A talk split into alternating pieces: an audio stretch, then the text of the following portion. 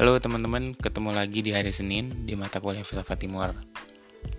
Terakhir, kita sudah membahas tentang alam. Untuk pertemuan kali ini, kita akan melanjutkan pembahasan kita, yakni kita akan membahas tentang bahasa. Dan hari ini kita akan menggunakan pola sebagaimana terakhir kita kuliah sebelum UTS ya. Dalam pengertian, saya akan cuma memantik saja sehingga untuk lebih detailnya kita akan membahasnya di Spoon atau di Google Classroom. Oke, mari kita mulai ya. Bahasa merupakan hal yang amat penting bagi kita sebagai manusia. Bahkan tanpanya kita tak bisa dikatakan sebagai manusia. Lantas, apakah hewan memiliki bahasa? Mereka pun tentu memilikinya. Hanya saja bahasa yang mereka pergunakan berbeda dengan bahasa yang kita pakai sehari-hari. Bahasa yang kita gunakan lebih kompleks. Kita bisa menggunakan metafora, bahasa yang kita gunakan itu bersifat equivok, kemudian bahasa yang kita pakai juga bisa mengekspresikan ambiguitas, dan bahasa kita bisa menangkap hal-hal yang berubah spesifik dan tidak tetap menjadi suatu hal yang general dan ajek. Terlepas daripada itu, di sini kita bisa bertanya, apa sih fungsi dari bahasa itu sendiri? Setidaknya, jika kita mencoba menjawab dengan spontan, bahasa berperan sebagai alat atau instrumen. Alat untuk apa? Tentu alat untuk berkomunikasi.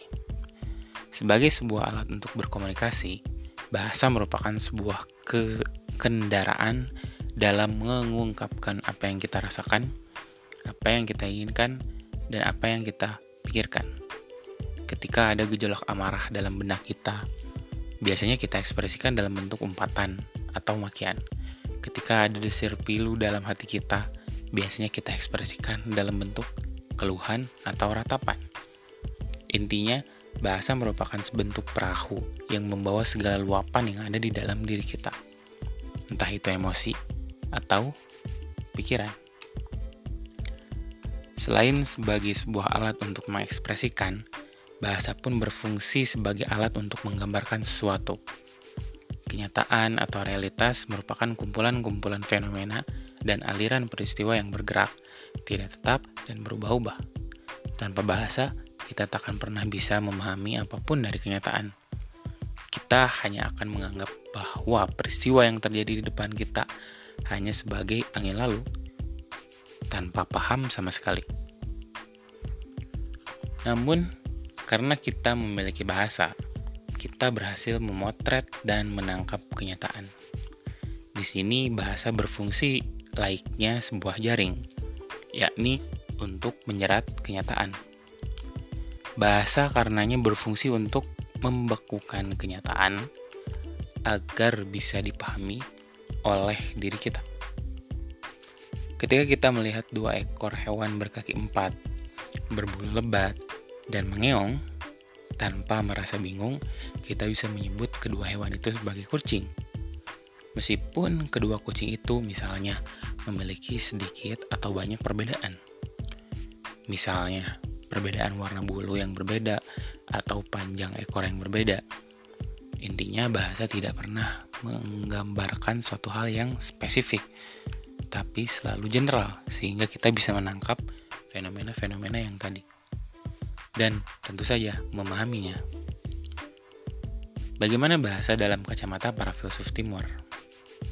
Kita bisa menengok pada pemikiran filsuf Cina yang bernama Confucius. Confucius sendiri digolongkan pada mazhab The School of Name. Confucius menganggap bahwa bahasa itu tak hanya dipahami dalam fungsi deskriptifnya saja. Bahasa pun memiliki fungsi lain, yakni fungsi performatif. Sehingga bahasa dalam pembicaraan Confucius tak bisa dilepaskan dari dimensi sosialnya. Apa maksudnya? Mari kita mutar terlebih dahulu.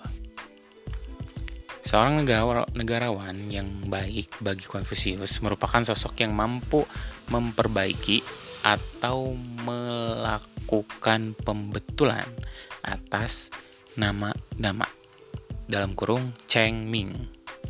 Maksudnya, setiap nama-nama mesti diatur dalam kodratnya yang tepat. Nama-nama sebagai bagian dari bahasa itu sendiri berfungsi untuk menggambarkan kenyataan. Namun, karena manusia tak hanya tersusun oleh dimensi fisikal saja, maka nama-nama bagi manusia itu berdimensi secara sosial pula. Ketika ia berdimensi secara sosial, maka nama-nama berkaitan dengan praktik atau laku dalam menjalani kehidupan antar sesama manusia. Di sinilah maksud dari makna bahwa bahasa di tangan Confucius bermakna performatif.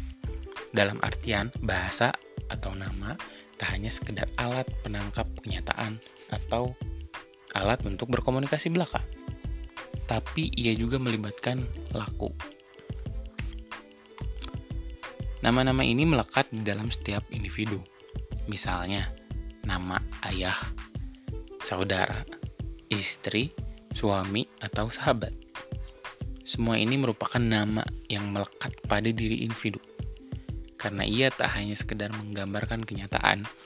Semisal, suami berarti menggambarkan sosok pria yang mengikat janji untuk hidup bersama seorang perempuan selamanya. Maka, nama suami itu sendiri berarti bahwa ia mesti melakukan tugas-tugas kesuamian. Begitu juga dengan nama-nama lain. Dalam konteks negarawan di atas, maka artinya setiap pemimpin yang baik adalah sosok yang menempatkan tugas dan kewajiban tiap orang tepat pada tempatnya, sesuai nama yang mereka emban. Sehingga, menurut Confucius, tatanan atau kondisi masyarakat yang baik ialah tatanan yang menjalani kehidupannya sesuai dengan nama yang melekat pada diri mereka. Misalnya, suami tak boleh melakukan tugas istri. Demikian juga sebaliknya. Terlepas dari itu, Confucius menegaskan bahwa bahasa yang mewujud dalam nama memiliki fungsi performatif. Confucius juga menegaskan bahwa Nama-nama ini bisa terhimpun di dalam satu diri individu saja, tapi tidak sebaliknya. Misalnya, seorang bisa memiliki beragam nama,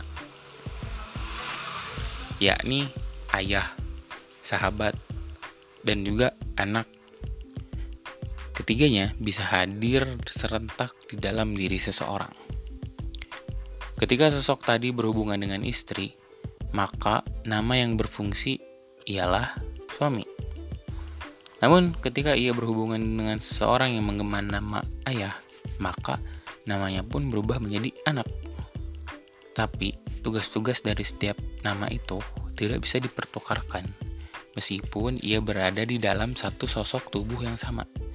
Dalam pengertian, ketika seseorang mengemban nama suami dan ayah, ia tetap mesti berlaku sebagai ayah ketika berhadapan dengan anak, dan ketika ia berhadapan dengan istri, maka ia mesti berlaku sebagai sosok suami.